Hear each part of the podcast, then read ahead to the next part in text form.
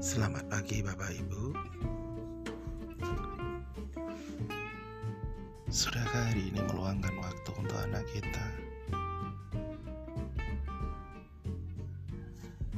Upayakan ketika anak membuka mata Kita selaku orang tua ada di sisinya.